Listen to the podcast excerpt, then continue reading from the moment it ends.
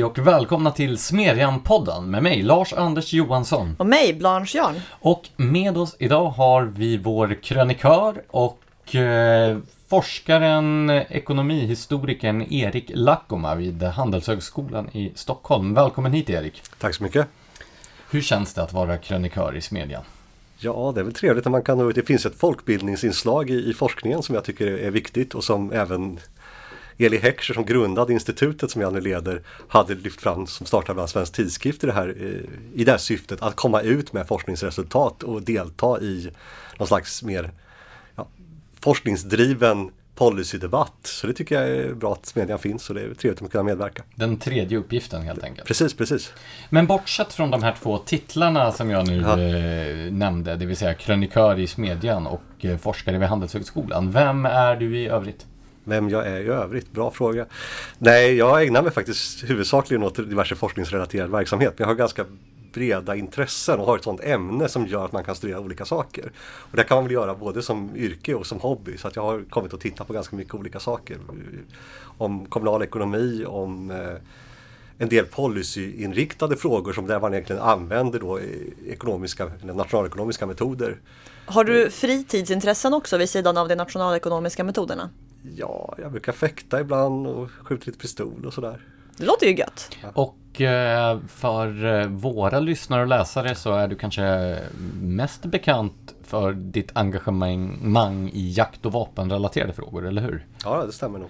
Och det kommer vi att komma tillbaka till lite längre in i avsnittet. Men däremot så kan du gärna berätta hur väcktes det här eh, jakt och eh, vapenintresset? Och när började du jaga? Ja du, jag började jaga för ungefär 25 år sedan. Och eh, det var, jag hade ingen jaktbakgrund men jag träffade personer som var intresserade av jakt och sen tyckte jag att det här var ju faktiskt väldigt skojigt. Så att sen dess har jag hållit på med det. Men jag, bakgrunden var att jag kunde skjuta innan. Jag höll på med modern femkamp på, ja, som junior på rätt hög nivå.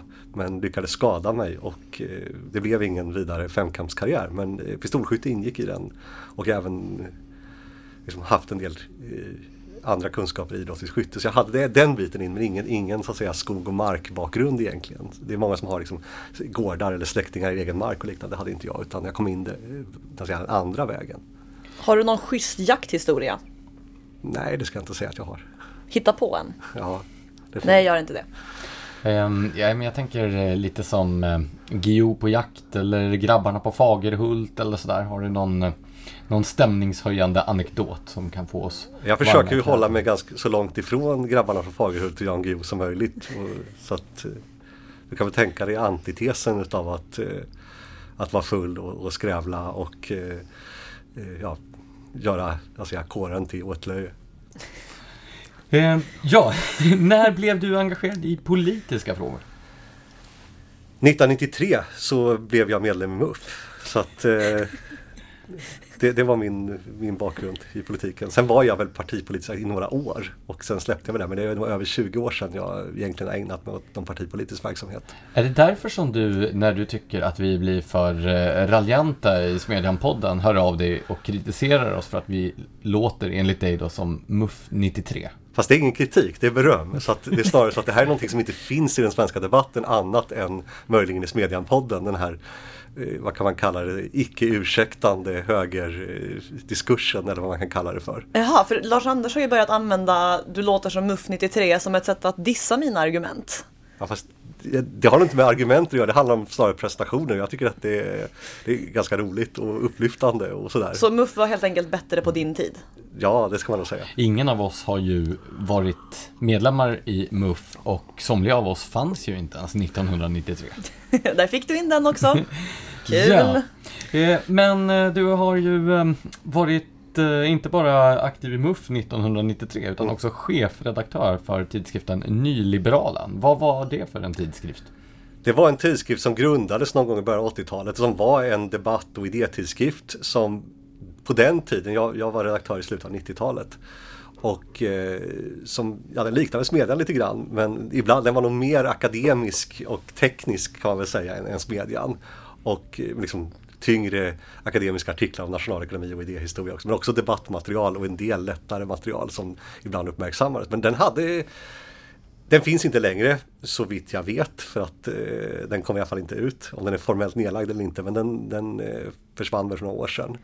Men, men eh, det var en tidning som, eller tidskrift som eh, var rätt uppmärksamma och såg att det kommenterades i ledarsidor och, och så att säga, det som en del kallar för kulturelit och sånt där tittade i den och läste. Så att, och det var ganska intressant just att det var en tidskrift som var inte i den politiska mittfåran då utan både var säga, akademiskt avancerad och eh, kanske inte eh, säga, politiskt mainstream heller. Skulle det som idag kallar sig nyliberaler känna igen sig i argumenten och idéerna som framfördes där?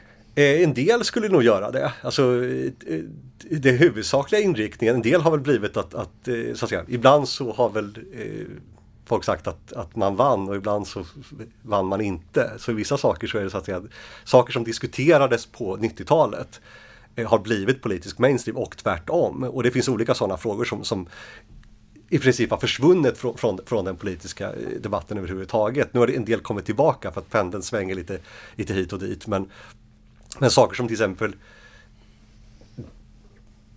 alltså, vad ska man säga så här. I vissa, viss, i vissa frågor så eh, var det, det, var frågor som nästan bara diskuterades i, i den typen av i liknande publikationer. Det skulle väl bara vara, vara Svensk linje och liknande som var alltså Fria mot Studentförbundets tidskrift. Som, som togs upp där men som sen, sen blev allmän. En, en väldigt fråga som var väldigt mycket debatt i svensk höger under 90-talet var ju till exempel eh, värnpliktsfrågan som sen avskaffades eh, under, under eh, den borgerliga regeringen. Men nu är den tillbaka? Nu är den tillbaka i, i mindre form, men alltså argumenten finns kvar. Men det, det, det var en stor debatt till exempel som, som fångade det här. Så det var en sån fråga som diskuterades, som, som ett exempel på något som diskuterades då men som knappast diskuteras idag. Även om argumenten naturligtvis är, är allmängiltiga att det här är liksom en, en, en, både dåligt för försvaret och, och eh, för ekonomin och för de som, som ja, inte gör det här frivilligt. Men om vi tar det här begreppet då, mm. som ju ständigt återkommer, nyliberal och nyliberalism. Mm.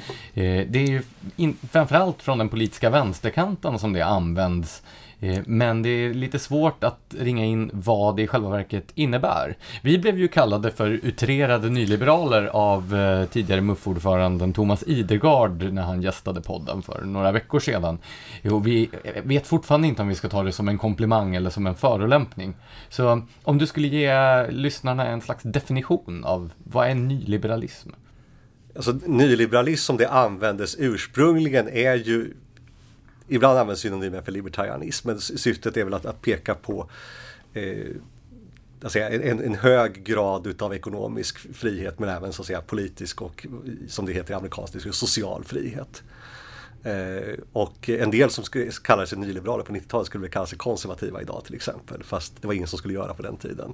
Så att, men de här etik etiketterna är ibland inte alltid eh, riktigt lyckade. Sen har det just i det här fallet så, ja, möjligen var det så att man valde den här titulaturen för att just att vänstern kallade det. Jag vet att Olof Palme sa någon gång på 80-talet att, att eh, sådant som var, var dåligt för vanliga människor var nyliberalism.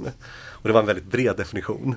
Ja, alltså ordet kommer väl idag ofta upp i samband med knark, platt skatt och new public management och där är väl 1,5 av 3 dåligt för människor i alla fall. Ja, alltså jag skulle säga det att det, det ska vara väldigt svårt att hitta någon som var för New Public Management. Som jag i försökt aldrig har hittat någon som är för New Public Management. Det är personer som är emot New Public Management som pratar om New Public Management. Men... Ja, och det där är ju så intressant. För just alltså, eh, klassiska liberaler eller libertarianer eller vad man ska säga förespråkar ju aldrig, vad jag vet, New Public Management. Men från vänsterkanten så skyller man då eh, New Public Management på nyliberaler. Ja, jo, det är, det är en riktig analys. Va, Milton Friedman, ja. nyliberal? Ja, det skulle jag väl säga. Murray Rothbard? Eh, I en bred definition, ja. Så Friedman är mer då typisk för? Alltså som begreppet användes, så skulle jag vilja säga. Eftersom eh, Rothbard var någon slags anarkist och det skulle man väl kunna vara också inom den, den hatten. Men det var, det var inte så man använde termen. För det var väl, om jag har förstått eh, då etymologin riktigt, så var det Rothbard som då eh, claimade begreppet libertarianism ja. från då den frihetliga vänstern som använt det längre tillbaka i det historiskt. De här begreppen har ju använts eh, väldigt mycket. Alltså nyliberalism kom ju för att liberalism eh, blev vänster. Och då kunde man en del kalla sig för klassisk liberalism. Och en del kallar det för nyliberalism. Sen fanns det en gammal strömning, som vi hade ett parti i Sverige som kallas för nyliberalt eh, till exempel. Som inte var nyliberalt i den meningen att, att de skulle kallats detta idag eller ens av Göran Greider. Liksom. Ja, det där är ju roligt för eh, på Bokmässan så hade Timbro ett monterseminarium där då vår förlagschef frågade ut Göran Greider om just eh, timbrofieringen ja. av Sverige. För Göran Greider driver ju tesen att Sverige har blivit nyliberalt. Mm. Vilket leder oss då till frågan, är Sverige frihetligare idag än vad det var 93 när du gick med i MUF? Eh, på vissa områden definitivt. På andra områden definitivt inte. Eh, Ge fler exempel. Ja, alltså vi, vi, kan titta så här. Vi, vi har eh, eh Sverige har eh, det är mindre reglerat på många områden i Sverige än vad det var 1993. Eh, Säg det till rökarna. Ja, jo, jo, men, men på många områden. Det finns, finns, finns alltid, rent generellt. Eh, det har kommit vissa, vad kan man kalla för rättssäkerhetsinslag som var udda eller så såg som udda i början av 90-talet eller fram till början av 90-talet. Eh, du har eh, fått en vad man kan kalla, i alla fall du fått en eh, ökad inom systemet i väldigt många fall en, ett eh, ökat mått utav individuellt självbestämmande i form av utav olika typer av valfrihet som ansågs vara skräckinjagande, kanske inte 93 men 83. så, vidare. så visst, visst har det blivit så. sen, samtidigt har vi det har hänt saker åt andra hållet. Eh, vi har sannolikt, har, vi har mycket, det gäller inte bara Sverige, vi har mycket större grad på många områden, inte på alla, men på många områden har vi mycket större grad av handelsregleringar idag. Det är oftast inte en svensk fråga utan en internationell fråga. Därför man reglerar mer saker både inom EU och internationella handelsavtal. Även om du har, alltså, det finns en frihandelsvåg där man minskar tullar men då får man istället regleringar istället. Så att handeln är nog sannolikt mer reglerad idag. Många industrier är mycket mer reglerade. Alltså vissa specifika regleringar, till exempel finansmarknaden. Eh, Eh, är sannolikt betydligt mer reglerat idag.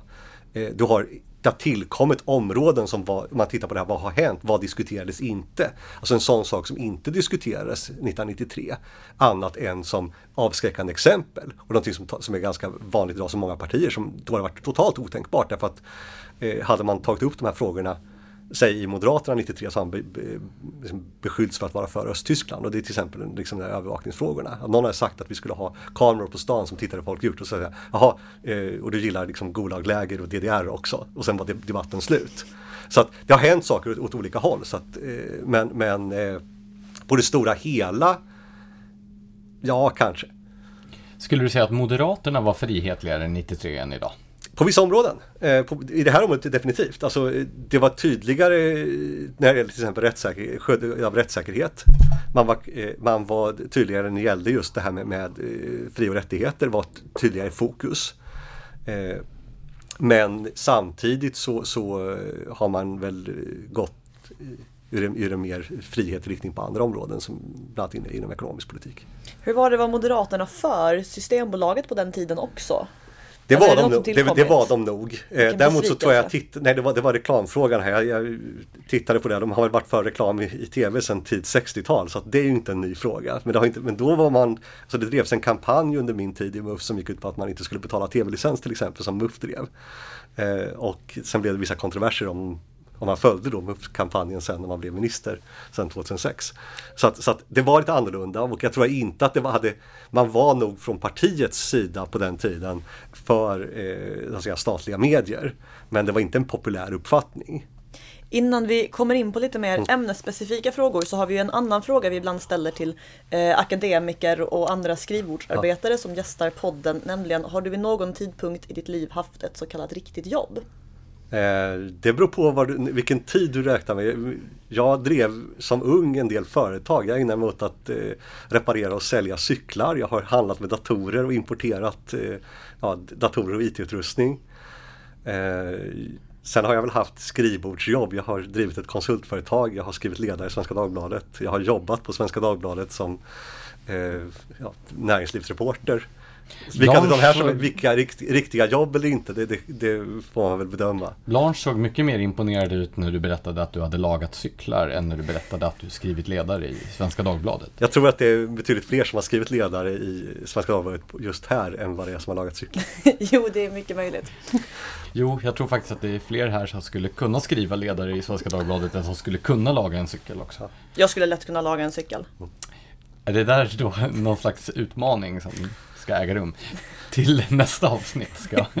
Jag. Bara råkar inte äga någon cykel tyvärr, men eh, i teorin skulle jag kunna, det vill jag vara tydlig med. Ja, men då går vi över till det första huvudämnet då. Och det är som vi redan flaggat för frågan om vapenlagstiftning där du har varit en ledande debattör, kanske den ledande debattören i konkurrens med möjligen Pia Clarté som har gästat podden. Så du har varit ute mycket i frågor som rör detta, eh, både vad gäller implementeringen av EUs vapendirektiv som vi har talat om här i podden och om till exempel licenshanteringen.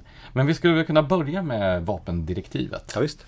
Eh, vi hade ju en artikel där du eh, eh, skrev om hur regeringen har lurat landets jägare och sportskyttar.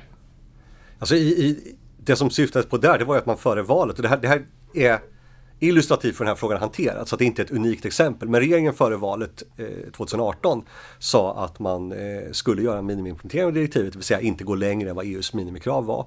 Och att man skulle förenkla eh, för jägare och skyttar. Sen så några månader senare la man fram ett förslag som, som gick betydligt längre än vad, vad EU krävde. Sen fortsätter man i och för sig hävda att det här var precis vad EU krävde men det finns nog ingen utanför regeringen och några tjänstemän som håller med om det. Så att, skulle du säga att det fanns någon anledning att känna sig överraskad av att det gick längre än den här minimiimplementeringen i den här frågan? Delvis, för det finns ingen opinion, som, alltså det finns ingen opinion på den andra sidan. Det här är en väldigt speciell politisk fråga, för det finns, alltså tittar man i USA så finns det en pågående debatt där folk är liksom för och emot vapen. Det finns ingen sån debatt i Sverige. Det finns sannolikt inga röster på att vinna på att eh, införa restriktioner mot, mot till exempel jakt i Sverige har en extremt hög acceptans för jakt. När ungefär 90 procent utav, utav befolkningen tycker att jakt är okej. Ja, jag kommer ihåg att jag såg någon sån studie där till och med ja, men partier man väntar sig kanske är skeptiska till jakt, jag vet inte, Miljöpartiet och så, hade en jättehög andel väljare som var för jakt som fenomen. Ja, men alltså det, det är inte jättekonstigt. Alltså det finns, jag, jag har hört den här, jag har sett undersökningen det, och det stämmer att, att det var Miljöpartiets sympatisörer som hade högst stöd för det. Men det finns ju alltså, alltså argument från det hållet som är, är, är rätt så bra. Och det är ju liksom att det här är, det är miljövänligt och det är klimatsmart kött och så vidare. Så att det är inte så att det är helt ologiskt. Varför skulle man liksom vara mot jakt för att man, man är miljöpartist? Det, och Miljöpartiet har inte stuckit ut. Det har funnits enstaka personer men det, alltså, det finns inget parti i Sverige som systematiskt har drivit en linje om att det ska bli svårare till exempel att utöva jakt eller skytteidrott eller liknande i Sverige. Så på det sättet är det lite eh, främmande. Däremot har det under lång tid funnits en mindre grupp eh, tjänstemän inom myndigheter och inom departement som har drivit den här linjen. Men de är ett dussin kanske i förhållande, men, och det är ju också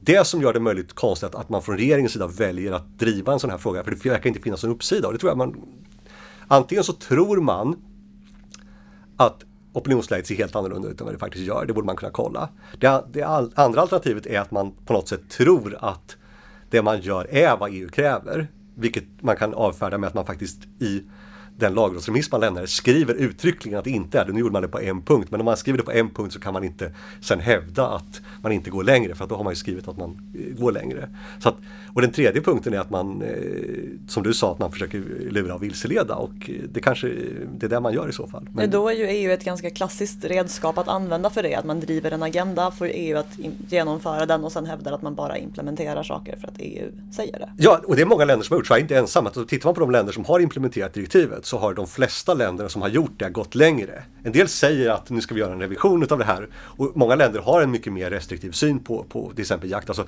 jakt är en stor fråga i Polen som har ett helt annan jakttradition där det har varit en så att säga, extrem överklassysselsättning. Eh, du har ex, det krävs lång utbildning för att överhuvudtaget få jaga och om man får jaga så får man även jaga på andra personers mark under vissa omständigheter. Vilket gör att vanliga människor tycker jakt är någonting som är rätt dåligt för det är, liksom, det är ingenting som vanligt folk håller på med. Där har man fått en, en väldigt jaktfientlig diskussion i politiken. Och då, så, där är det logiskt, i Sverige finns inget sånt. Eh, men de flesta länder, även Finland, eh, Italien har liknande, har gått längre och sagt att det är EU som säger det här. Och sen så, ja, kanske inte allt, men, men det mesta. Det land som har gått närmast den miniminivå som EU har gjort är Schweiz. De har förvisso gjort ett tillägg som jag skulle säga är dessutom meningslöst för att i praktiken så har det ingen betydelse med tanke på hur lagstiftningen ser ut i övrigt. Men, så det kan vara ett misstag. Men, men Schweiz har implementerat direktivet, fattat beslut om det och de har valt att lägga sig på den. Alltså, inför ingenting som inte uttryckligen krävs av direktivet. Det, det, kan Sverige göra och får man lyssna på, på riksdagens majoritet så är det, det vad riksdagens majoritet vill göra också. Tjeckien har ju, eller åtminstone häromåret, eh, försökt runda det här direktivet genom att helt enkelt säga att alla vapenägare är en del av totalförsvaret och därför inte omfattas av det här regelverket. Skulle det kunna vara en väg framåt för Sverige? Ja, det skulle det skulle kunna göra. Det finns flera vägar framåt. Alltså dels är det så att Sverige har redan extremt restriktiva regler på det här området. Så det gör att Sverige behöver i praktiken inte göra någonting för att implementera det. Man behöver göra, göra smärre förändringar som i praktiken inte har någon praktisk betydelse annat än i, när det gäller jägare skulle behöva för att vara säkra på att få använda alla magasin de har idag eh, när de övar, gå med i skytteklubbar, vilket de flesta är sannolikt för de övar ändå. Bortsett från det så skulle Sverige behöva göra redaktionella förändringar i tillägg till svensk lagstiftning som inte ändrar någonting i praktiken. Så att det går att implementera det utan att det blir betungande. Så att det är möjligt som, som svenska politiker har sagt att göra det. Att det går att implementera utan att, utan att det blir skadligt. Men man skulle naturligtvis kunna göra som i Tjeckien också. Det är riktigt, det finns ett sådant undantag i direktivet för alltså, totalförsvaret. Och säger man att det här ingår i totalförsvaret så, så ja, då undantas de. Det har man kunnat göra. Man talar ju nästan alltid om vapendirektivet här i Sverige i termer av att försöka skademinimera och ja. liksom minska den skada det gör för laglydiga mm. vapenägare i Sverige. Men finns det några fördelar med EUs vapendirektiv att implementera det? Så jag var ju med, i, det gjordes en utredning 2014 som kommissionen tillsattes. Det blev eh, att de skulle undersöka då eller analysera eh, behovet av revision av 1991 års vapendirektiv. Och jag var en av de som ingår, det var en av de här det är inte jättemånga som forskar om sådana här frågor och eh, jag var en av de som har skrivit och publicerat akademiskt om eh, vapenpolicy och i det här fallet om vapenstölder. Så jag var, var en av de som var med.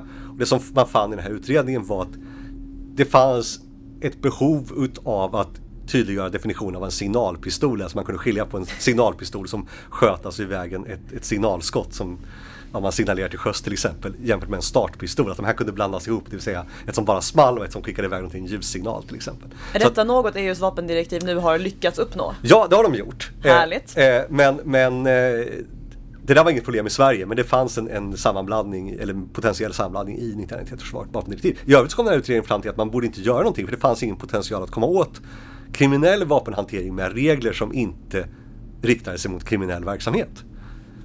En sak som förvånade oss när vi, eh, vi precis i början av eh, den nystartade smedjan då, 2017, det var ju eh, inför omröstningen i Europaparlamentet ja. så skrev Blanche en serie artiklar om detta. Mm. Och det som förvånade oss på redaktionen var det monumentala ointresse som mötte från de borgerliga partierna.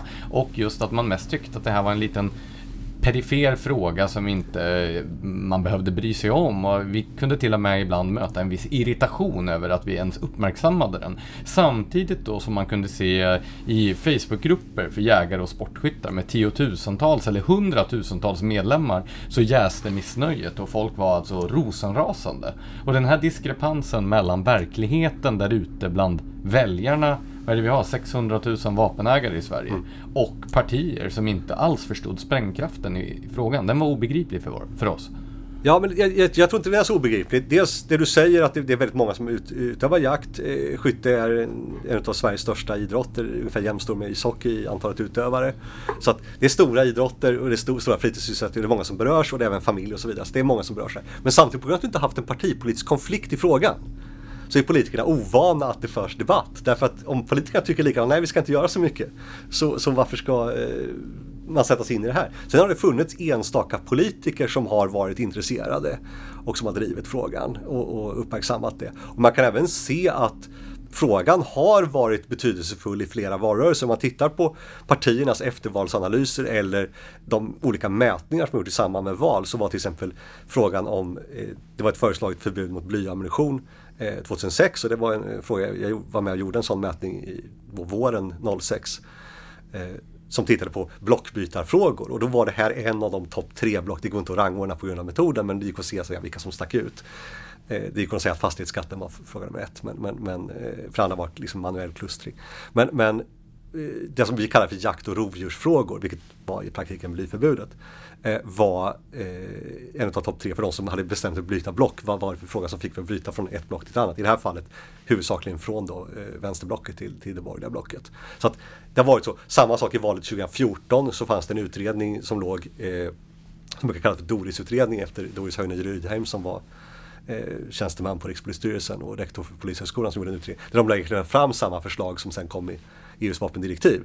Som blev väldigt utskälld och där framförallt eh, då oppositionen, ledd av Morgan Johansson, var extremt kritisk mot det här. Och försökte få frågan att liksom, eh, få det här att kladda fast på, eh, på Moderaterna och Beatrice Ask som hade beställt den här utredningen.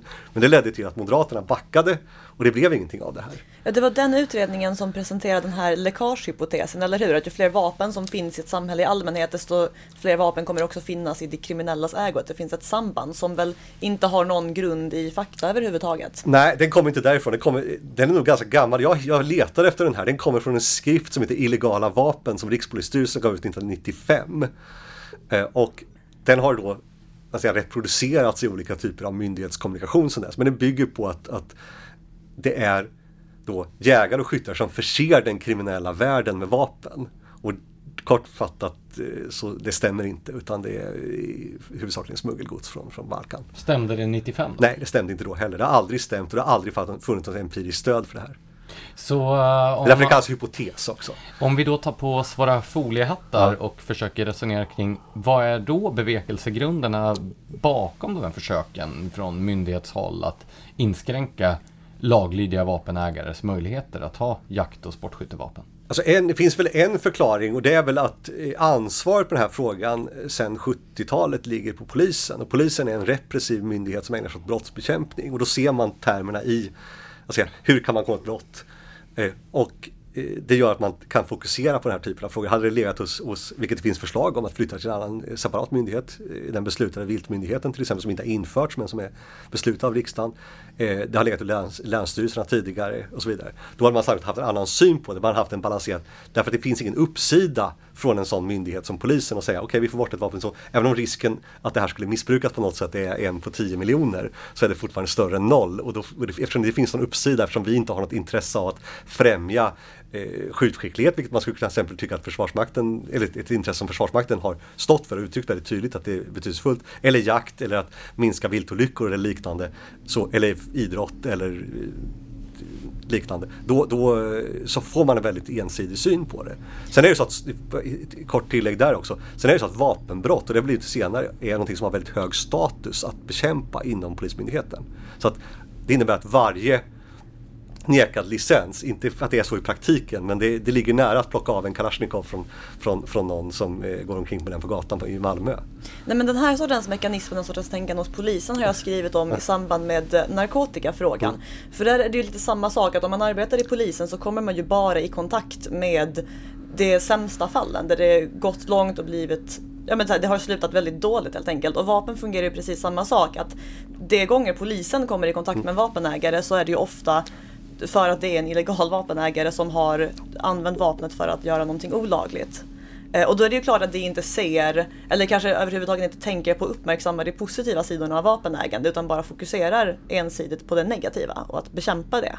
Nu, är, nu stämmer inte det här, för det vanligaste sättet att en, en, en, inom Polismyndigheten kommer i kontakt med en vapenägare när en vapenägare söker eller ska förnya en licens. Det vill säga en helt administrativ verksamhet. Fast jag in... tänker på vanliga poliser. Ja men de är oftast mindre, liksom. alltså där, nu pratar jag om Polismyndighet. Polismyndigheten har sannolikt annan syn än, visst det kan ligga någonting i det du säger, men jag tror att det är mer drivet på myndighets, alltså administrativ myndighetsnivå än polisen ute på gatan som jag tror oftast vet att nej, det, det här är inte ett jaktvapen eller någon som har, har, tagit det här med sig från sin skytteklubb utan det, det kommer från, från, eh, från Balkan och eh, har stulits ur militärförråd där. Det är, den skillnaden tror jag man kan se.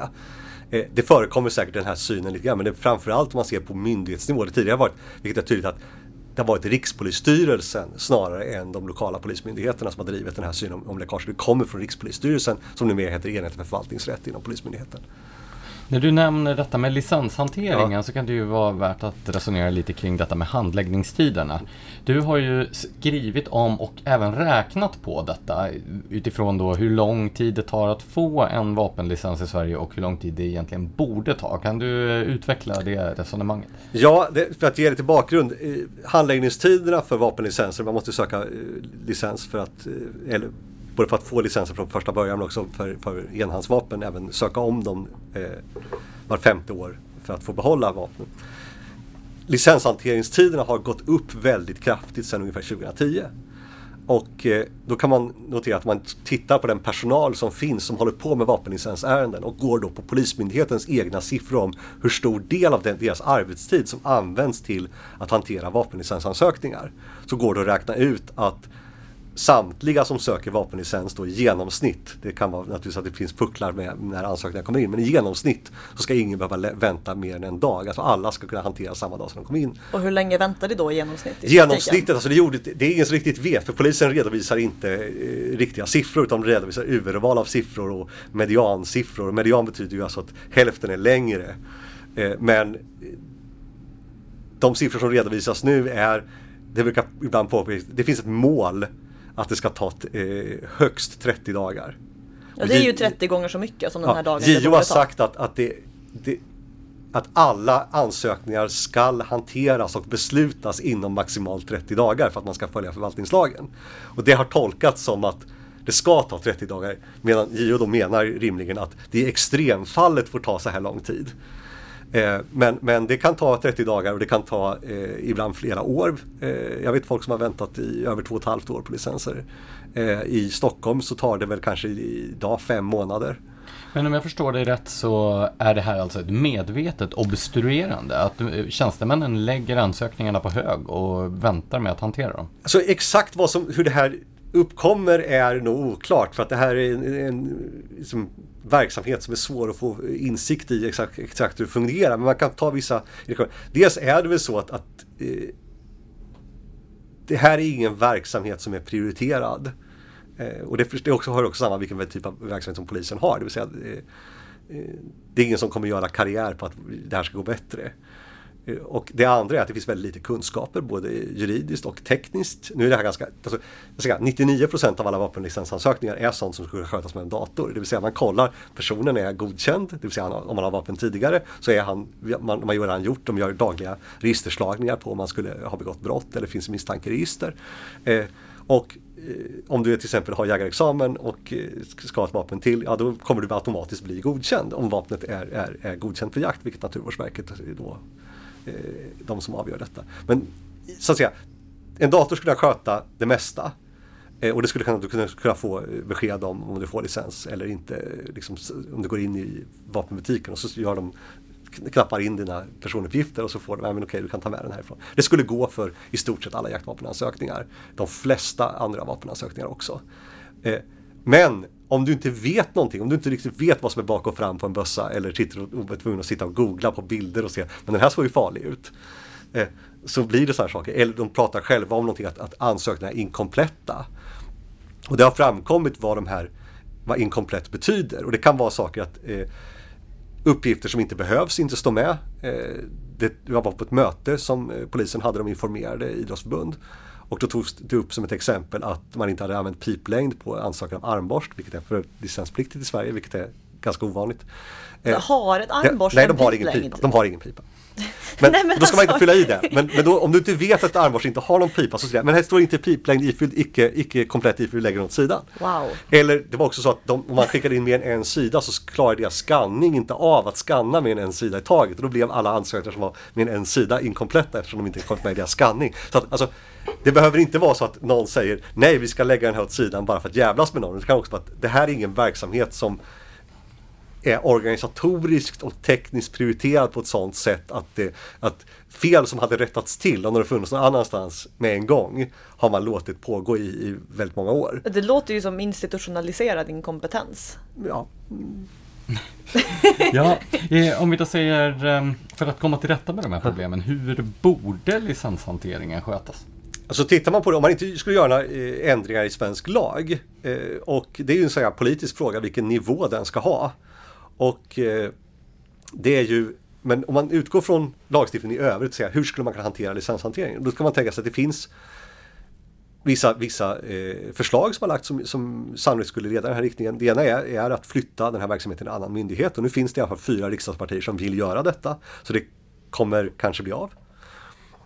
Och eh, det är då Centern, KD, Sverigedemokraterna och Liberalerna tror jag. Varför inte Moderaterna? Moderaterna är för i teorin men vill utreda frågan eh, först. Så att de kanske, det är det som är, är eh, så det kan gå igenom när de har kommit fram till hur det här ska lösas.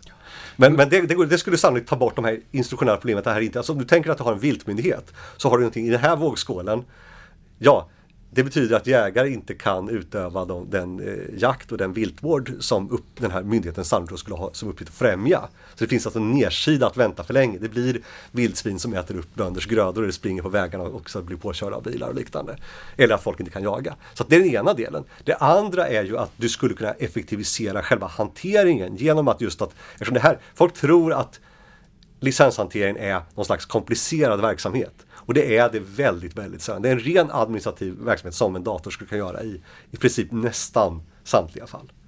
Det är ju inte bara vapenlicenserna ja. som gör eh, livet surt för jägare och sportskyttar. Ett eskalerande problem är bristen på övningstillfällen i och med att skjutbanor läggs ner, framförallt då i storstadsområdena där de flesta jägare finns nu för mm. tiden. Jag vet att i Stockholm så är väntetiderna på en älgbana ungefär två timmar. Och eh, det här, det, det krävs ju ingen mer avancerad fantasi för att räkna ut vad det får för konsekvenser för skytteförmågan hos jägare ute i skogarna. Varför driver kommunpolitiker på för att det ska läggas ned skjutbanor? Alltså varför de driver på, det är väl vet jag inte om man riktigt gör. Det finns väl enstaka personer, det finns exempel på där någon har liksom drivit nedläggningsbeslut. Men ofta är det så att det här är mark som kommunerna vill komma åt. Och eh, skjutbanor kräver plats om man skulle kunna bygga bostäder eller liknande där. Så det finns alltså en sån lockelse naturligtvis rent själv oavsett vilken verksamhet det är. Eh, och att du i vissa fall, och det gäller alla typer av den här typen av verksamhet som, som till exempel när det smäller och, och, bullrar, att närboende som har flyttat dit och bosatt sig där, de kan få värdet på sitt hus eh, att stiga genom att jaga bort den verksamhet som fanns där. Det är, så, det är samma sak som den som har köpt ett hus in till en flygplats. Eh, en del av dem driver kampanjer för att lägga ner flygplatsen eller liknande. Det, det är väl ett sånt skäl. Sen är det väl så att eh, skytterörelsen har varit ganska dåliga på att, att eh, peka på det här behovet. Det har ju varit, alltså det är i förhållande till sportens storlek, det, det vet att det har skämtats inom eh, inom skytteidrotten att om de fick 1% av, av de här, offentliga resurserna som lades på till exempel ishockey som en jämförbar sport så skulle de vara överlyckliga. Eh, och det, det, man ser i, i kommunala eh, liksom idrotts, eh, säga, idrottspolitiska program och Eh, i detaljplaner och liknande när man pratar om idrottsanläggningar så, så har det blivit så att det här har blivit en eftersatt verksamhet. Men det finns ingen anledning i sig att eh, säga att nej, vi, vi, när vi bygger ut och befolkningen ökar och vi, om vi bygger idrottsanläggningar att vi bara ska bygga för vissa idrotter. Utan, eh, eh, jag tror, tror, också att det finns, alltså, en okunskap bland politiker hur stor den här sporten är. Att, att, om folk kände till i större utsträckning att det här är Sveriges sjunde största idrott så skulle man få ett, att jakt är ett så stort intresse även i storstadsområden som du pekar på. För att jag tror att det finns en föreställning att nej, men det här är inte, det är en ganska liten grupp och rena gubbar i Norrland som håller på med det här. Men är det inte så att många politiker själva jagar? Till och med Gustav Fridolin jagar ju. Jo, jo, men, men eh, jag tror att kunskapen finns nu om jakt och så vidare. Det finns inget jaktmotstånd. Det ska man inte säga. Det finns ingen som driver, det finns ingen opinion mot det här utan det är snarare att, att man låter det här ske på grund av att det inte blev tillräckligt hö eh, högljudda protester. Eh, och att det finns en, en slags torparmentalitet där folk knyter näven i byxfickan istället för att, eh, att protestera. Liksom.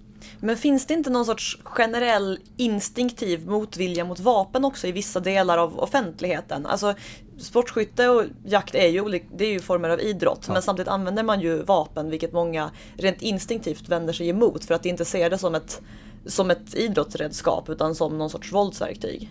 Ja, fast det, den, den jag är inte riktigt säker på att, ja, det finns naturligtvis personer som gör det, finns nog inte en utbredd så jag tror att folk kan eh, hålla skillnad på, eh, liksom, se, och se skillnaden mellan, mellan idrott och att det, det skjuts på gator och liknande. Det, det görs ibland insinuationer utav det här slaget. Det, det var uppe i, politiska debatten om, om, om gängvåld i somras i riksdagen så var det några som försökte men det flyger ju inte därför att folk ser ju att det här är, är vansinnigt. Att, att, så att de försök som görs att, så att säga, koppla samman idrottsutövning eller jakt med, med liksom kriminell våldsanvändning. Det, det, brukar inte funka och därför är de inte speciellt vanliga. Fast det händer ju att ganska små lobbygrupper får sin vilja igenom på ganska stor skala. Det har ju du även uppmärksammat just i Smedjan. Jo, men det, det är precis det jag vill peka på. det är, finns en liten, här har du ett väldigt tydligt exempel på en liten lobbygrupp eh, som har fått väldigt stort inflytande för att man har suttit på, på inflytelserika positioner i förvaltningen. Och det, det, kan man göra i väldigt många områden. Sitter man på rätt position så kan man i Sverige och det kan man göra i andra länder, men kanske särskilt i den svenska förvaltningsmodellen,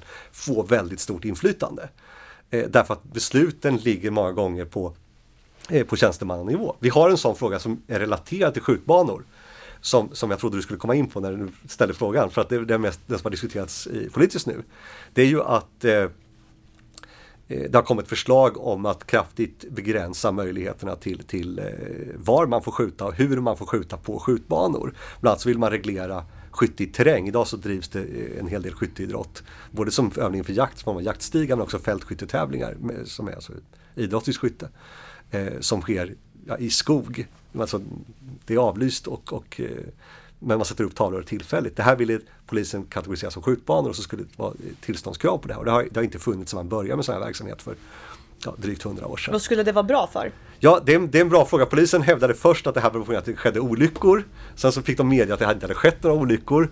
Och eh, nu så, deras senaste för, eh, utgåva till förslag så menar man att det här är någonting som är Ja, de måste göra så här för det, stå, det, det framgår av ordningslagen. Men det kan man också ganska tydligt se att det gör det faktiskt inte och det står dessutom som man tittar på förarbetena till, till ordningslagen så, så framgår det till exempel att i den mån skytte i terräng utanför detaljplanelagt ut område eh, ska regleras så är det en kommunal angelägenhet som regleras i kommunala ordningsstadgor. Så kommuner får, men de gör det väldigt sällan, får göra det.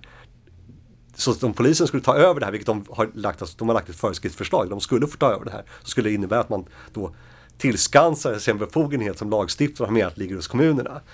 Eh, och det är ganska anmärkningsvärt. Och, men det är också så att riksdagens majoritet är ju inte för det här. Och då kan man tänka sig, ja okej, okay, men om det finns fem partier i riksdagen som tillsammans har majoritet som säger att vi ska inte ha det på det här sättet. Så kanske man kunde tänka sig att då blev det ingenting. Men i den svenska förvaltningsmodellen så är det inte så enkelt att det bara att riksdagen tycker någonting och sen så händer det. Utan eh, de har ganska stora friheter att, att göra saker. Och det, det, kan bli så att det här går igenom och sen får du eh, tröskas igenom domstolsväsendet och sen kommer det bli underkänt. Men under den här tiden när man har stoppat skytteverksamhet så kommer en del klubbar att fått lägga ner sin tävlingsverksamhet, eh, tappat medlemmar och liknande. Jägare har inte kunnat öva. Så att det, konsekvenserna kan uppstå även om det politiskt sett borde vara löst redan för länge sedan. Om vi ser eh, då till den andra typen av problematik när det kommer till vapen och vapenlagstiftning, nämligen den, eh, de kriminella vapen som finns, alla dessa skjutningar på gator och torg. Vi har diskuterat det i Smedjan-podden tidigare, eh, hur förbipasserande blir träffade av skottlossning och så vidare. Vad bör man från politiskt håll och från myndighetshåll göra då för att komma till rätta med det här? Istället för att hålla på och förfölja laglydiga vapenägare. Hur ska gangstrarna berövas sina vapen? Ja, alltså det är inte mitt område egentligen att, att eh, jag har inte forskat om säga, brottsprevention på det sättet eller, eller brottsbekämpning. När det gäller just vapen så vet man var vapnen kommer ifrån. Vill man begränsa tillgången till dem så är det smuggling man ska rikta in sig på. Och det är inte, det är inte kontroversiellt på något sätt.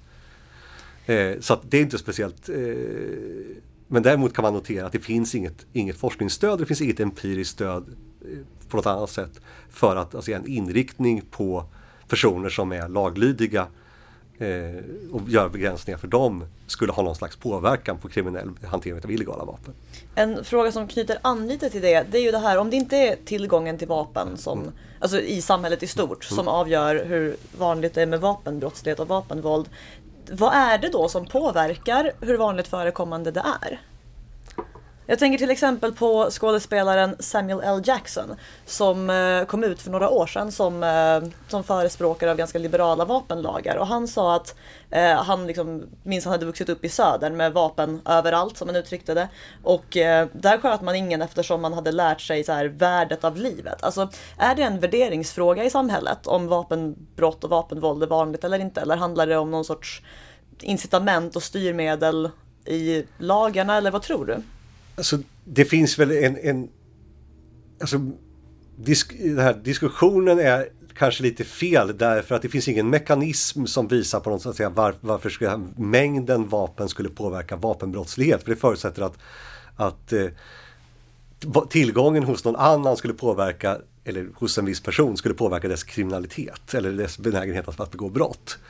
Eh, och man kan inte resonera så att säga att man skulle på något sätt plocka av eh, Sveriges jägare hälften av deras vapen. Det skulle inte påverka vapenbrottsligheten alls. Om man skulle ge alla jägare som idag har fem vapen tio gånger så mycket så de fick 40 eller 50 det skulle inte heller påverka eh, brottsligheten på något sätt. För det finns ingen mekanism som säger att liksom, mängden påverkar. Utan det här handlar ju om de personer som ägnar sig åt kriminell verksamhet. Där spelar naturligtvis incitament roll på olika sätt. Alltså att, att eh, vissa, vissa brott är sådana som det inte sker så mycket kalkylerande kring när alltså någon slår till någon på fyllan i, på krogen.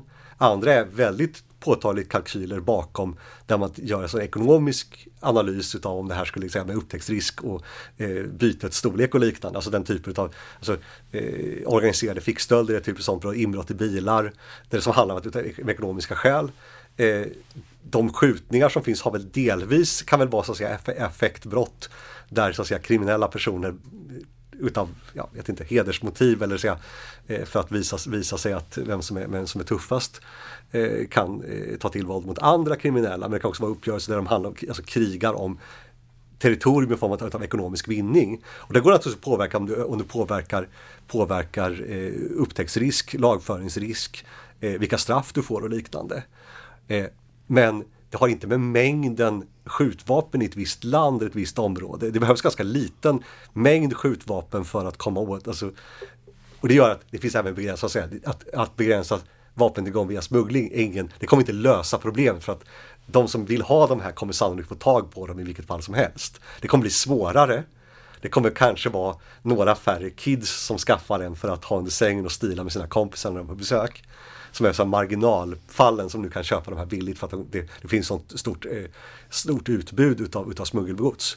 Men de som är, använder de här för att eh, strida om territorier för narkotikaförsäljning till exempel kommer sannolikt inte, inte påverkas speciellt mycket där eller, eller de som eh, inte heller de som är så att säga, väldigt benägna av att ta livet av någon annan människa kommer också hitta sätt för det här. Så att, att titta på att begränsa tillgången på ett visst, så att säga, eh, ett visst föremål som kan användas för, för våldsutövning är, är man ska inte ha för stora förhoppningar på att även säga åtgärder mot smuggling skulle lösa problemen utan man får nog titta på, på en rad olika faktorer. Men, alltså, men incitament spelar roll även för brottslingar.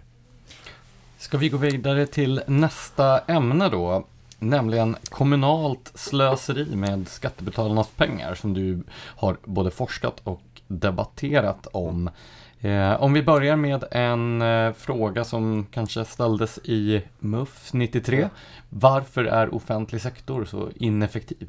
Ja, alltså det, det finns väl incitamentsproblem i eh, som ibland faktiskt också finns i privat verksamhet ska jag säga så att det inte är enbart en offentlig, offentlig fråga.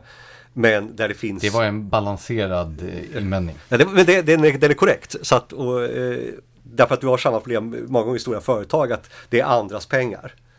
Eh, och, det är väl eh, Percy Barnevik som har eh, myntat begreppet korridormän. Det var Anders Jonsson som skrev om det i en av sina essäer om näringslivshistoria. Mm. Nämligen personer i stora företag som ingen riktigt vet vad de har för arbetsuppgifter. Men som går runt där i korridorerna och ser viktiga ut. Alltså det finns det här brukar kallas för principalagentproblem, det vill säga att, att, att skattebetalaren är då principalen som ska, de, de ska, politiska tjänstemannen eller politikern ska utföra deras vilja. Samma sak som aktieägaren i ett bolag är principal till Det är på grund av det här ordvalen vi bjuder in akademiker till podden från första början. Och de här är samma sak, du kan tänka dig samma sak i ABB, att, att eh, det finns ganska stort eh, utrymme att göra egna saker och kanske inte i första hand tänka på vad som maximerar eh, värdet på bolaget eller eh, aktiekursen för ägarna långsiktigt, för det kan, du kan manipulera det här på kort sikt naturligtvis också. Men, men eh, att det kanske inte är så att man ska bygga ett så stort huvudkontor som möjligt eller skaffa eh, en stor park utav, utav eh, flygplan till, till en, eh, du, bolagets eh, transportavdelning eller liknande. Eller bygga en så stor och fin arena i sin Ja, kommun ja, det, här var, det här var det ABB-exemplet, men det här är samma som i kommunen. Att, att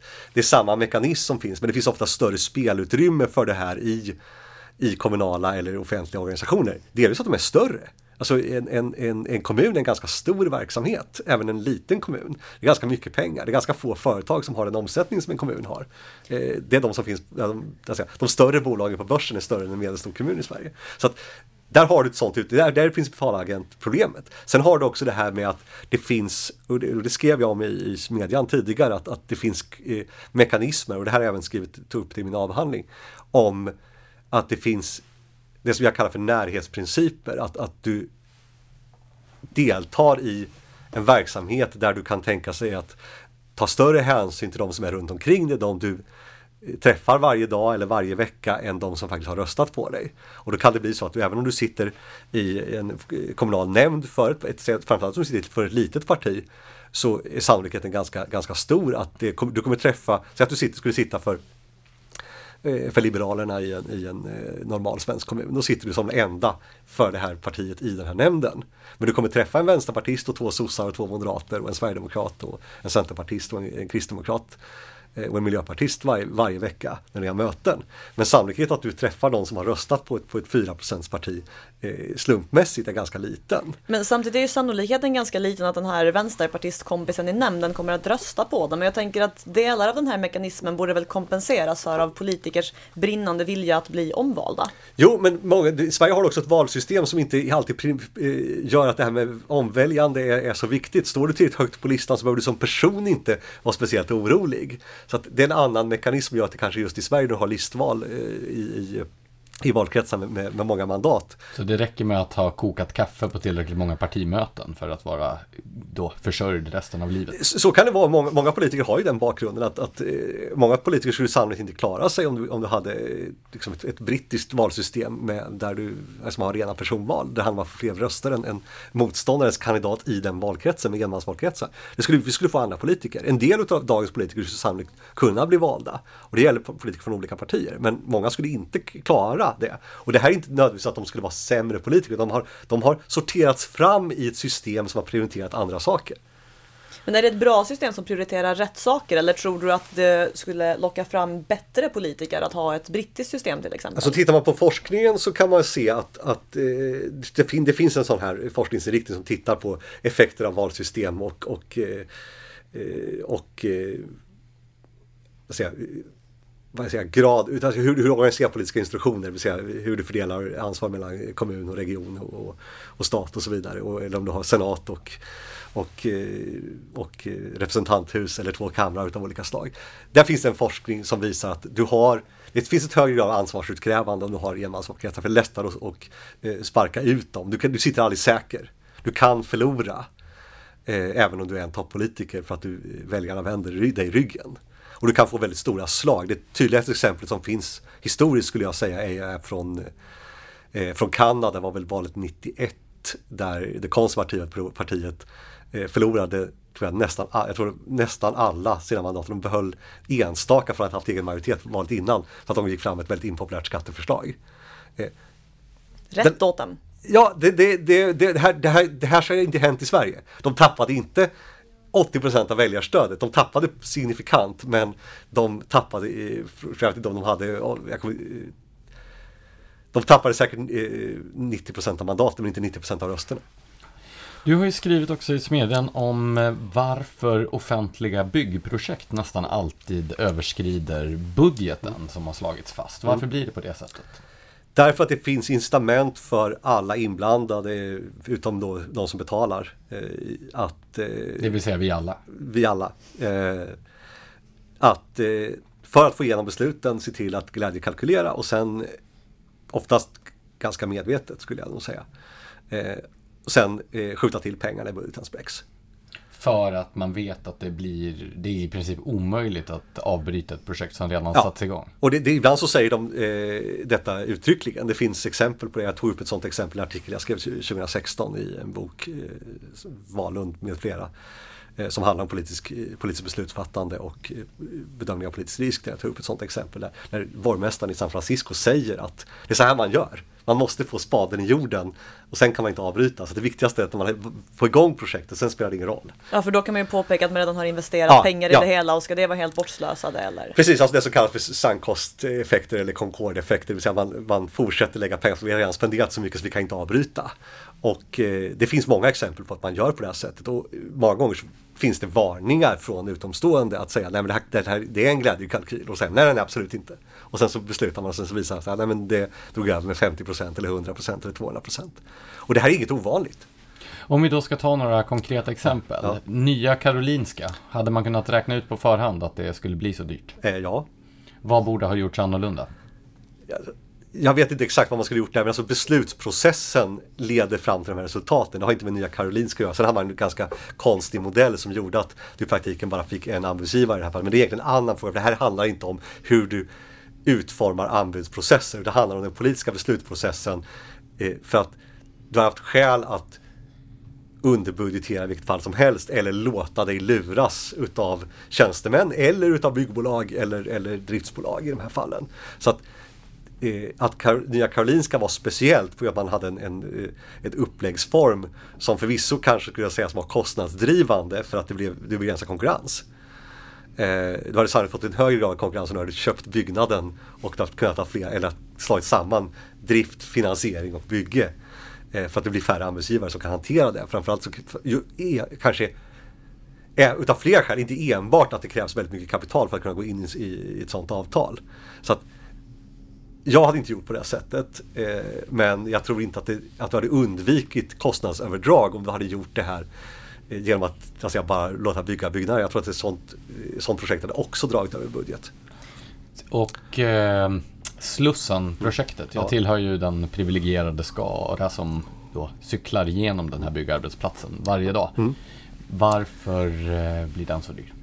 Där har du ett väldigt tydligt exempel. Där varnades det också väldigt tydligt på att här, den här kalkylen man la fram var eh, en glädjekalkyl och extremt skakig och det var till och med så att det var diskussioner om alltså, transparens i den här kalkylen för att den stora posten i den här, i den här eh, när man la fram budgeten kallades för investeringar i allmän platsmark eller något sånt där. Så det var inte ens specificerat, det var liksom en slaskpost på 7 miljarder eller något sånt. Eh, så att, och de som beslutade brydde sig inte och jag tror inte de ville bry sig utan de hade bestämt att det här skulle gå igenom och då spelade, de visste nog om de flesta oavsett vilket parti de, eh, de satt för att det här kommer inte hålla. Men det fanns ju, i det fallet så fanns det ju konkurrerande förslag om att till exempel renovera det här eller att, att eh, säger bara ja, riva det som fanns och bygga en likadan, vilket var säga, lågriskvarianter. De hade kanske också dragit över, men risken var mindre och därför hade du sannolikt fått mindre kostnadsöverdrag än att göra en ny, en stor lösning. För ju större det blir, ju mer osäkerhet och då både om budgetering, det vill säga det är lättare att komma undan med glädjekalkyl, vi har inget att jämföra med. Det andra är att du procentuella avvikelser är, är mycket större om du, alltså i kronor och ören räknat, om du har ett större projekt. Alltså eh, en procent om du är mer om det är 5 miljarder än 50 000. Vad borde ha gjorts då? Så det man ska veta om det fallet, det var ett typexempel på sådana här projekt där nog alla inblandade visste att det här skulle dra över budget och att eh, det fanns dels att projektet var stort men också att, och det gör att procentuella avvikelser naturligtvis blir större så att det var större än, än, än eh, många andra byggprojekt. Det andra var ju att det, i det här fallet så pekade kritiker till att, att det fanns alternativ som man kunde göra det här på ett billigare sätt. Att, att, eh, ja, som var alltså lägre risk i. Och lägre risk betyder inte att man inte skulle dra över budget, man skulle dra över budget mindre. I det här fallet så pratades det till exempel om att man kunde liksom renovera den eller att man rev den och byggde en likadan lösning som den som fanns. Vilket var lägre risk att bygga säga, någonting helt nytt med, med bergrums eh, bussterminaler och gallerier och liknande som man inte visste. Då fanns det ett osäkerhetsmoment som gjorde att kostnaderna blev mer svåröverskådliga. Och det fanns också svåröverskådliga poster i den här kalkylen, i budgeten, som gjorde det väldigt svårt att, att eh, se vad som säga, fanns bakom de här budgetsiffrorna. Det fanns en post som hette investeringar i allmän platsmark som stod för huvuddelen av, av, av budgeten för, för bygget. Så att, och vad man skulle kunna göra, jag, jag har nog nämnt det i, i något annat sammanhang i min artikel, att, att, att eh, vad det handlar om i de här fallen är att man måste förhindra politikerna, de som beslutar att skjuta till pengar i efterhand. Eller att byggbolaget inte kan räkna med att de får nya pengar om de drar över budget. Och en sån sak till exempel i det här fallet, som man till exempel kunnat folkomrösta om det. Det hade kanske inte löst alla problem, men det hade gjort, det mycket svårare för byggbolaget att räkna med att drar vi över budgeten och det blir 12,5 miljarder istället för 8 så får vi 5 miljarder till. Därför att då hade du kanske behövt hålla en ny folkomröstning och varit långt ifrån säkra stockholmare hade då röstat för mer pengar till någonting som eh, de kanske accepterat för 8 miljarder men kanske inte för 13. Jag läste någonstans att byggbolagen utför det här slussanarbetet med en löpande faktura, det vill säga det finns ingen eh, prislapp på det här utan det bara rullar på. Stämmer detta och i så fall vad är det för incitament att överhuvudtaget bli färdig? Alltså det, det, många projekt, alltså man kan göra det här på löpande räkning och man kan ha fastpris, men det här handlar inte om, alltså du har de här problemen med fastprisavtal. Därför att då har du fortfarande att du kan få mer pengar. Om båda parterna, alltså i det här fallet kommunen och byggbolaget, är överens så kan du alltid ändra avtalet och göra tillägg. Så att fastpris löser inte det här så länge du inte kan få ett commitment att du kommer aldrig överskrida det ursprungliga avtalet. Och i det här fallet så spelar det inte så stor roll om det är fastpris eller löpande räkning. Så eh, ett annat exempel som då ligger mig varmt om hjärtat det är detta med eh, kommunala idrottsanläggningar. Framförallt då i storstadsområdena. Som AIK-supporter så är jag ju drabbad av Friends Arena som uppfördes trots att då slutkunden, det vill säga alla de som ska gå och titta på fotbollsmatcher, aldrig någonsin efterfrågade denna. På motsvarande sätt så uppfördes samtidigt Tele2 Arena i andra änden av stan utan att det var någon som efterfrågade den också. Och Eh, Eh, för något år sedan så meddelades det att det fanns planer att ersätta Johanneshovs isstadion eh, vid Globen då med en ny hockeyarena trots att varken AIKs eller Djurgårdens supportrar, alltså de två lag som spelar hockey där, efterfrågar detta. Varför byggs dessa arenor och eh, varför blir de så dyra? Varför de byggs vet jag inte om jag kan svara på men varför de blir dyra är ju samma mekanismer som, som vi har pratat om tidigare. Att, att eh, incitamentstrukturerna som finns i beslutsfattandet och under de här processerna leder till att du får eh, kostnadsöverdrag och att det blir dyrt. Ett argument för att bygga den brukar ju också vara att sätta en kommun på kartan. Jo, men jag tänker ändå att Stockholms stad sitter ganska bra på kartan redan. Men det tänker tydligen inte våra kommunpolitiker. Nej, jag läste någonstans att Friends Arena är det dyraste byggprojektet den dyraste byggnad som har uppförts i Sverige någonsin, inklusive Uppsala domkyrka då, som tog 400 år att bygga och byggdes för hand. Ehm, vi har ju haft ett antal rapporter kring detta som Timbro har gett ut genom åren, alltså arenafeber och badhusboom och så vidare. Det här verkar ju vara en sjuka som finns på kommunal nivå lite överallt. Att trots att man har ansträngd ekonomi, kanske till och med då är en nettomottagare i det kommunala utjämningssystemet, som till exempel Malmö, så har man ändå råd att uppföra den här typen av arenor. Hur är det möjligt? Ja, du svarar väl delvis på frågan att, att eh, om eh, intäktssidan i det här fallet inte, genom skatteutjämning till exempel inte påverkas speciellt mycket av att du gör av med pengar så kommer du ha större möjligheter att ha det här, liksom fatta den här typen av beslut och bygga den här typen av anläggningar än om du skulle haft raka rör mellan, mellan kostnader och intäkter. Det är naturligtvis en, en, en sån faktor. Sen finns det väl så att idrott är en kommunal angelägenhet i Sverige. Det har politikerna bestämt att det ska vara. Eh, och ur, ur det perspektivet så är det också rimligt att kommunerna bygger idrottsanläggningar. Sen kan man diskutera storleken på dem och om de fyller behoven, om det är rätt idrotter i förhållande till efterfrågan och liknande. Men att rent generellt säga att det är fel att bygga i simhallar eller idrottsanläggningar. Det är en annan sak än att kostnaderna skenar för dem. För du skulle mycket väl kunna bygga en ishall eller en skjutbana eller en fotbollsplan eller eh, gymnastikhall eller liknande utan att spräcka budget. Eh, det, är så, det, är, inte nödvändigt att, man, att det blir, blir väldigt dyrt. Men att det blir väldigt dyrt påverkas av samma mekanismer som har med oavsett om det här är en, ett infrastrukturprojekt för trafik eller om det är en, en idrottsanläggning eller ett sjukhus eller en saluhall eller något annat. Men är det överhuvudtaget möjligt att hålla, liksom, hålla på sparsamheten och inte låta kostnaderna skena iväg när man har det grundläggande problemet att en grupp personer betalar med en annan grupp personers pengar? Alltså, det är väl en skala, alltså vi, vi, anledningen till just de här större kommunerna att, att kostnaden för eh, en ytterligare idrottsarena i Stockholms stad som har en ganska eh, stor budget kommer naturligtvis bli mycket mindre än om det här skulle göras i Sävsjö. Eh, så att där har du ju en, en, en sån faktor att storleken spelar roll för att andelen av den totala kommunala budgeten blir, blir, blir en annan beroende på, på den totala omsättningen utav liksom, skatteintäkterna eller, eller skatte och omfördelnings... Eller, ja, via, via kommunala skatteutjämningen. Så att där har du ju en sån faktor, men du har också faktorer som att och då säger man okej, okay, det är alltid att man spenderar. Jo, politik handlar om att spendera andra, eller politisk verksamhet, kommunal eller statlig, handlar om att spendera andra människors pengar. Det, det, det kommer man inte ifrån. Däremot så, så finns det väl möjligheter att, att eh, påverka det här på olika sätt, alltså med ansvarsutkrävande. Eh, tittar man på jag tog upp i avhandlingen till exempel effekten av att du hade haft eh, de här eh, kommunreformerna som, som skedde under, under perioden fram till början av 70-talet. Alltså där kommunerna gick från att vara väldigt små till halvstora och sen till stora. Det gör naturligtvis att du fick ett längre avstånd mellan väljare och valda, det var det vi pratade om tidigare eh, till exempel. Så att de här mekanismerna finns hela tiden och påverkar naturligtvis också vilka typer av investeringsbeslut som fattas och vad man anser sig ha råd med. Så det är lättare att slösa med andras pengar i en större kommun? Ja, procentuellt sett så är varje sån här eh, ett, ett kostnadsöverdrag på 100 000 blir proportionellt sett mindre om arenan kostar 10 miljarder istället för, eh, för 100 miljoner eller eh, 100 000.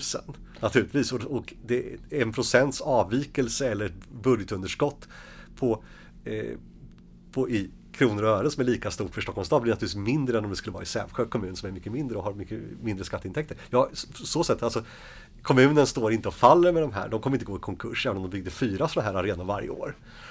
Men detta med då expanderade kommuner, det verkar ju inte bara ha med skatteintäkter att göra eftersom jag får intrycket av att både politiker och tjänstemän i kommuner runt om i Sverige ser det som ett självändamål att kommuner ska växa befolkningsmässigt, även om det är en del av befolkningen som inte är nettobetalare till kommunen utan snarare då utgiftsposter. Varför vill man från kommunhåll att kommunerna ska växa? Det kan ju inte ligga i invånarnas intresse. Nej, men det kan ligga i, i de styrandes intresse att, att det, kan vara bättre att vara eh, kommunalråd i en kommun som har 100 000 invånare istället för 80 000 och det kan vara bättre att vara kommunchef i en kommun som har 100 000 invånare än 80 000 för det är bättre betalt.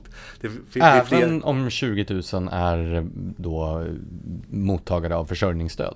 Ja, så det påverkar inte. Det är samma sak om du sitter på huvudkontoret på ABB. Det är mycket roligare att sitta på huvudkontoret om de har 100 000 anställda än om det är 100 anställda. Det blir Eh, mycket större utrymme. Du, du, har fler som du får vara chef över på din avdelning eller även de under dig och så vidare. Det kanske ökar en status det i politiken status. också? Ja exakt, exakt. Så det finns ju drivkrafter som är så att säga, allmängiltiga som driver på att du vill ha en större verksamhet. Och den har ingenting med, egentligen med, kom, med kommunen att göra, utan den har med alla typer utav, utav verksamheter att göra. Den är alltså i det här fallet lika, eh, liksom, lika naturlig om det här skulle vara ett företag som att, att vara, även om i det här fallet kanske aktieägarna skulle tjäna på att företaget blir större, men inte nödvändigtvis.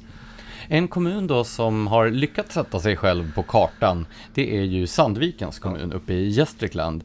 Eh, framförallt då genom den famösa Sandviken-rapporten som konsultbolaget PWC lät framställa på kommunens uppdrag och som kom fram till att eh, invandringen till Sandviken skulle vara en lönsam affär, vilket återrapporterades av Dagens Nyheter och andra medier. Och nu så håller Sandvikens kommun på att i det närmaste gå i konkurs, om man nu kan säga att kommuner går i konkurs. Men samtidigt som detta sker så bygger kommunen då hyresrätter. Man tar alltså skattebetalarnas pengar, uppför hyresrätter för människor som då av allt att döma inte kommer att bidra till skatteunderlaget överhuvudtaget. Eh, hur ska den här ekvationen gå ihop? Det verkar den ju inte göra men, men, men eh, jag tycker att exemplet är ganska bra på just den här typen av vad kan man kalla medvetet glädjekalkylerande. För att man behövde inte eh, vara speciellt insatt i frågan. Och jag, inte, jag håller inte på med liksom invandringsekonomi eller någonting på något sätt. Men, men det går ju att bedöma rimligheten i siffror även med ganska eh, rudimentära kunskaper om det där. Och se är det här, är, är det, det här i närheten utav vad det skulle kunna vara? Är det rimligt att en kommun gör netto säga, nettovinster på flera hundratusen per kommuninvånare. Nej, det är det inte. Varför tar man då fram en rapport som är uppenbart orimlig? Jo, därför att man har de här incitamenten att, att, visa att det här är en lönsam affär om man vill göra det. Därför att hade man räknat fram att eh, kommunen går 300 000 back, vilket kanske också hade varit orimligt då, men, men en, en, motsvarande orimlig siffra, så hade man kanske sagt att nej men då kan vi inte driva den här politiken som vi redan har bestämt för oss att vi ska driva.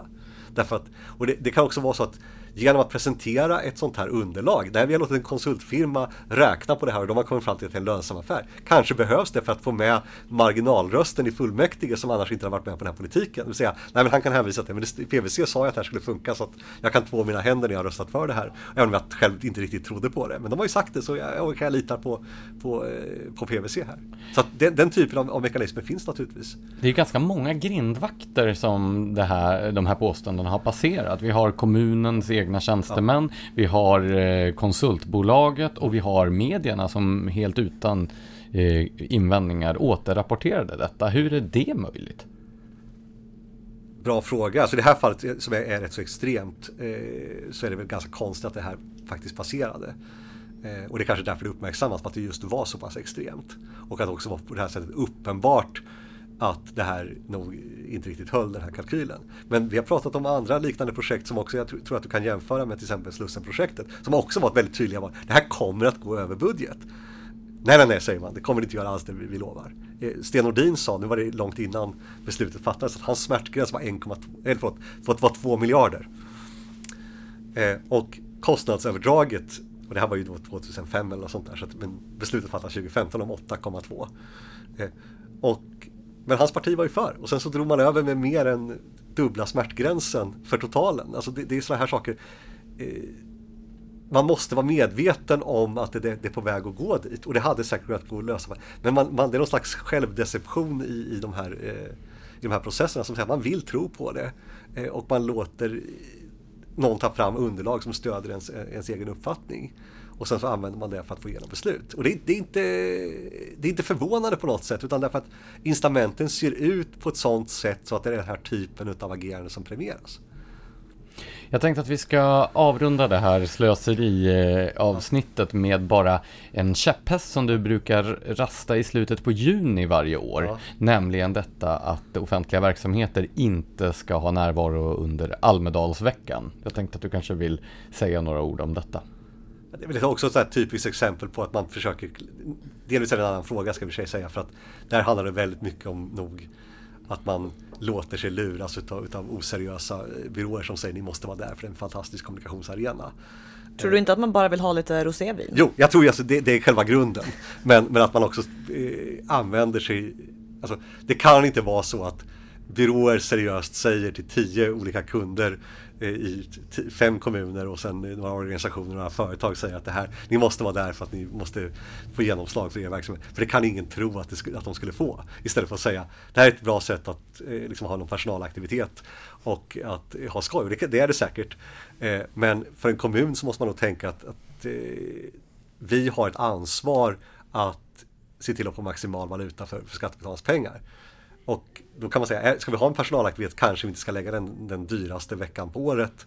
Eh, och, eh, utan vi kanske ska titta på, på andra alternativ. Ett företag får naturligtvis hantera sina pengar som de vill. De kan säga det här att eh, nej, men vi vill använda våra pengar för att dricka vin på Gotland. Det får man väl göra men, men eh, det jag vänder mig emot här är snarare att man försöker klä det här i att det, skulle vara någon, att det här skulle vara viktigt ur kommunikationshänseende. Och den kritiken är inte bara mot kommuner i det här fallet utan minst lika mycket mot de rådgivare som säger att det här är viktigt. För att det är alltså minst lika oseriöst att påstå detta som att, att påstå att det här är nödvändigt för kommunens eh, kartsättning eller att det här är eh, nödvändigt för att vi ska eh, liksom, utveckla vår personal eller ha de här olika typerna av spontana möten som det pratas om. Alltså, det, det, är inget problem för en kommunpolitiker att ringa upp en myndighetsföreträdare eller en, en regeringstjänsteman eller en, en, en toppolitiker i Sverige om man har någonting att säga. Det, det, Sverige är inte större än att det här skulle eh, gå att lösa på annat sätt och framförallt om man valde att göra det en annan dag. Så att kommunikativt går det där att kritisera men kritiken ska faktiskt i det här fallet riktas kanske i någon mindre utsträckning mot kommunerna än mot, mot deras rådgivare. Så lever du som du lär? Undviker du Almedalsveckan? Så om jag skulle åka dit så skulle jag, jag har aldrig varit där själv men, men eh, det är folk som har försökt få dit mig men jag har faktiskt aldrig varit där. Då börjar det bli dags att avrunda den här, eh, det här poddavsnittet och då har vi två stående punkter. Precis, till att börja med så har vi ju klassikern Skulle du vilja rekommendera en bok till Smedjan-poddens lyssnare? Ja, det faktiskt ska jag göra och eh, nu har vi inte pratat om det men det kanske vi kan göra någon annan gång. Men jag skulle rekommendera eh, Martin Nahtijärvis avhandling från 2013 som heter För din och annans säkerhet. Som har blivit väldigt, den är väldigt bra och den är väldigt aktuell med tanke på de diskussioner som förs om eh, rättssäkerhet och om eh, avlyssning och övervakning och liknande som eh, det har även skrivits om i Smedjan. Eh, den skulle jag rekommendera. Även om det är en doktorsavhandling så är den Det låter inte så populärvetenskapligt med en doktorsavhandling. Nej, men den är, den är läsvärd. All right.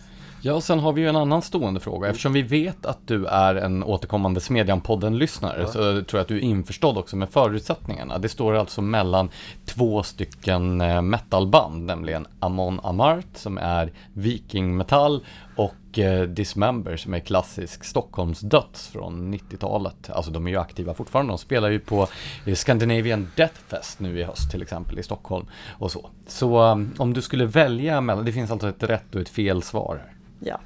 Och det finns en fallucka under din Ja. stol som kommer Ja. att öppna sig om du svarar fel. Ja, så jag var tvungen att göra lite research och, och nu brukar jag lyssna på hårdrock och sådär så att jag inte var inte helt, eh, helt apart musik men, men jag brukar inte lyssna på sån här, vad kan man kalla för brölmetal. Eh, men, men, eh, så jag hade nog inte lyssnat på någon av de här tidigare men, så jag var tvungen att göra det. Men jag skulle väl med viss marginal, ut, även utan att särskilt framhålla någon som något särskilt bra alternativ säga att det jag råkade lyssna på eh, så var Dismember aningen bättre. Ja, jag tycker att eh, Erik kan få en chans att komma tillbaka till Smedjan-podden med sådana här förträffliga bokrekommendationer och, och svar. Ja men precis, falluckan har ju inte öppnat sig som vi alla ser eftersom man fortfarande kan höra honom.